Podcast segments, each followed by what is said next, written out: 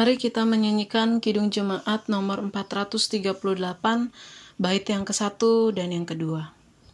Apa pun juga menimpamu.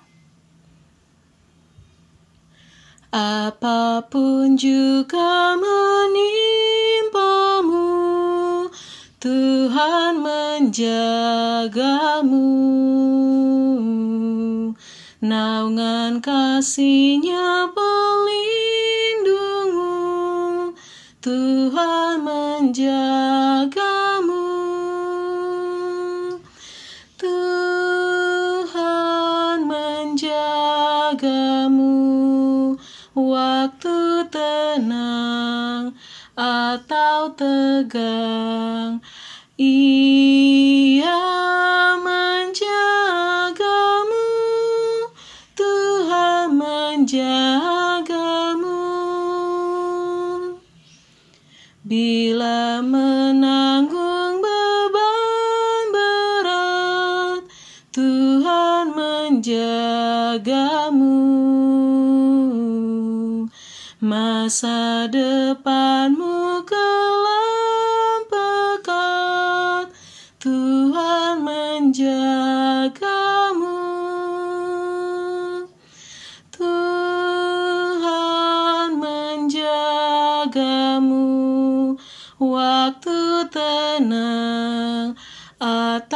tegang. Ia menjagamu, Tuhan menjagamu.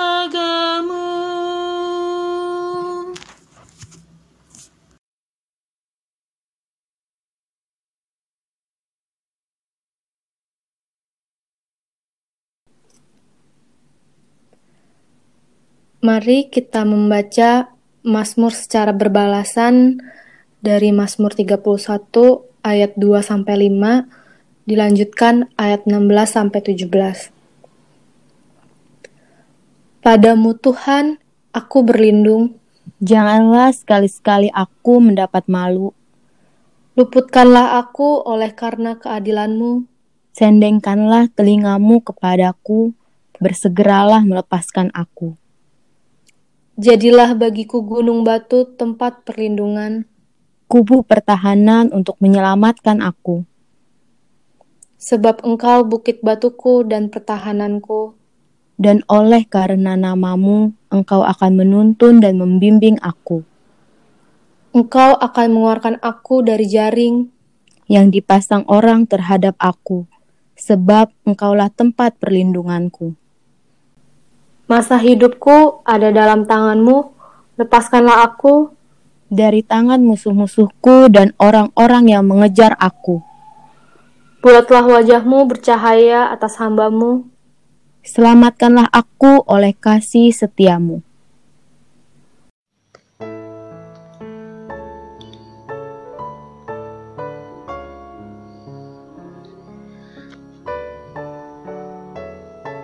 Mari Bapak, Ibu, dan Saudara kita bersama membaca Injil Matius pasal 27 ayat 57 sampai dengan 66. Menjelang malam datanglah seorang kaya, orang Arimatea yang bernama Yusuf dan yang telah menjadi murid Yesus juga. Ia pergi menghadap Pilatus dan meminta mayat Yesus.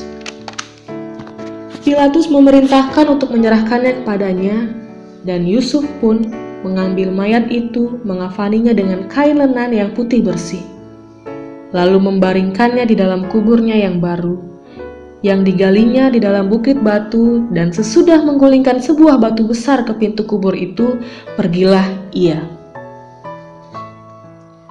Tapi Maria Magdalena dan Maria yang lain tinggal di situ, duduk di depan kubur itu. Keesokan harinya, yaitu sesudah hari persiapan, datanglah imam-imam kepala dan orang-orang Farisi bersama-sama menghadap Pilatus. Dan mereka berkata, "Tuan, kami ingat bahwa si penyesat itu sewaktu hidupnya berkata, Sesudah tiga hari aku akan bangkit.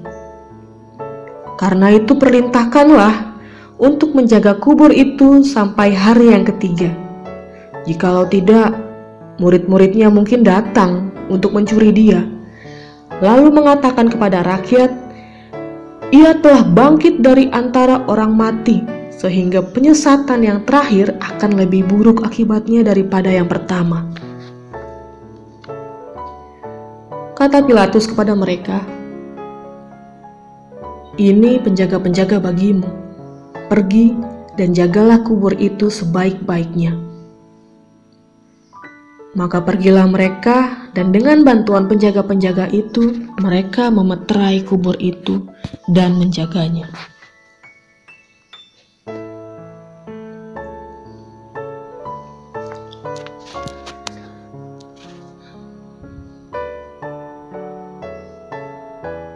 Kematian adalah bagian dari kehidupan. Kematian adalah realitas dalam keseharian hidup yang tidak dapat kita tolak.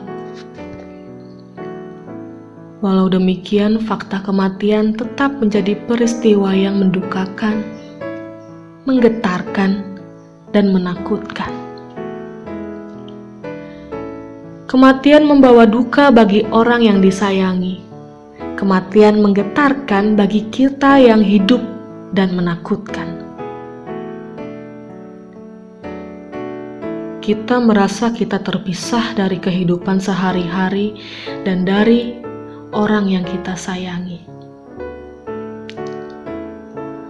Sulit bagi kita lepas dari orang yang kita sayangi. Karena itu, ketika kematian menjemput orang-orang yang kita kenal dan kita sayang, kita kerap melihat keluarga memerlukan proses yang tidak sebentar untuk sampai pada rela melepaskannya, dan sampai pada kesadaran bahwa orang yang kita kenal dan kita sayangi, termasuk diri kita, adalah milik Allah.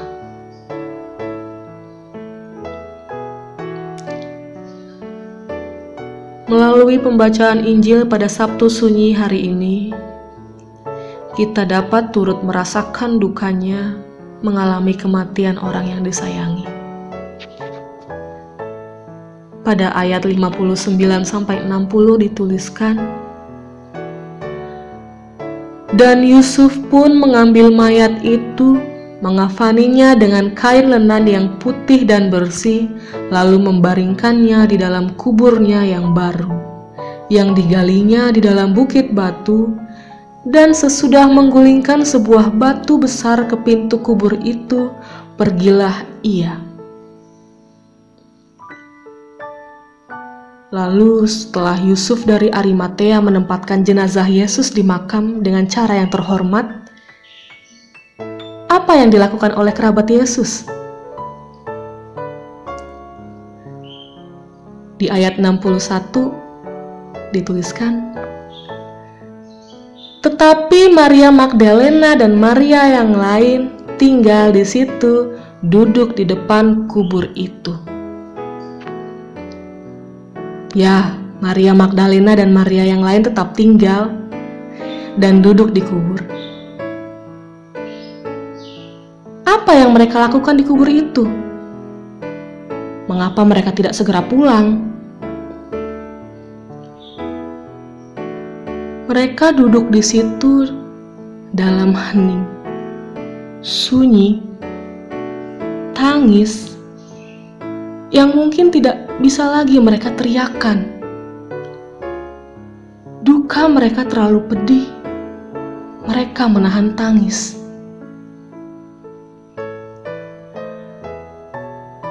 Bagi saudara yang saat ini sedang merasakan kesedihan, karena kematian orang yang disayangi, datanglah kepada Allah. Allah memberikanmu kekuatan dan penghiburan. Allah saat ini ada bersama saudara. Saya mengajak saudara juga berdoa bagi mereka yang berduka karena kematian anggota keluarga mereka karena terinfeksi COVID-19, sehingga mereka tidak dapat memeluk jenazah orang yang disayangi. Bahkan ada yang tidak dapat hadir dalam pemakaman orang yang mereka sayang. Mereka menangis dalam duka yang amat dalam. Namun, bacaan Injil saat ini juga mengisahkan peristiwa kematian, kehilangan yang mendukakan. Alkitab tidak menyembunyikan peristiwa kepedihan bahwa kematian Yesus dalam cara yang sangat mengerikan.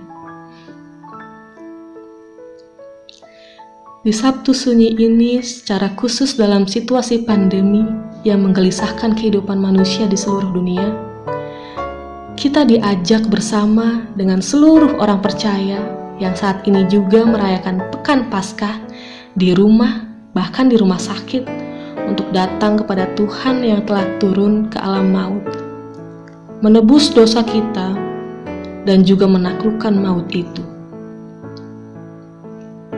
Tuhan memberkati dan menguatkan saya dan saudara. Amin.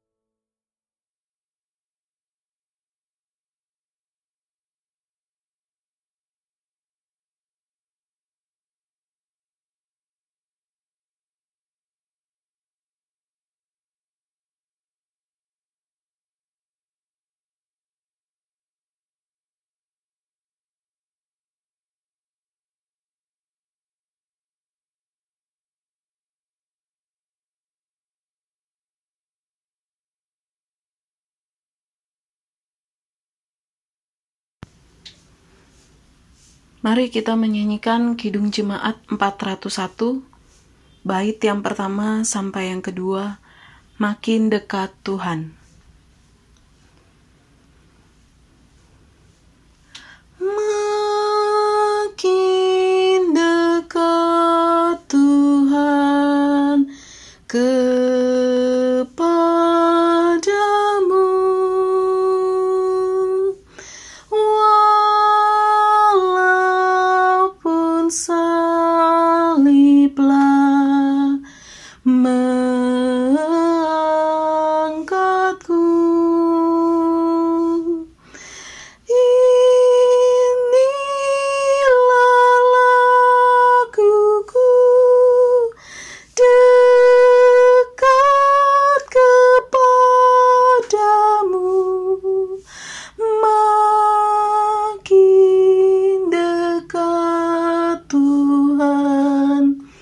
그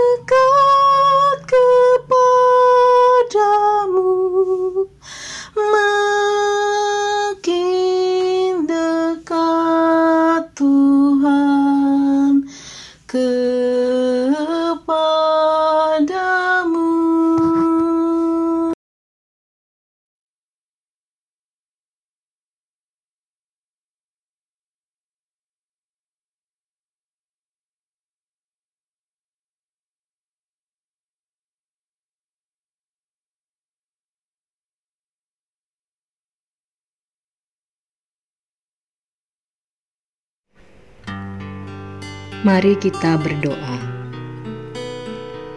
Ya Allah, kami bersyukur sebab meskipun dalam duka kami, kami boleh bersandar dalam tangan Tuhan. Pada Sabtu sunyi kami mau merenungkan kembali arti kepasrahan di dalam Tuhan.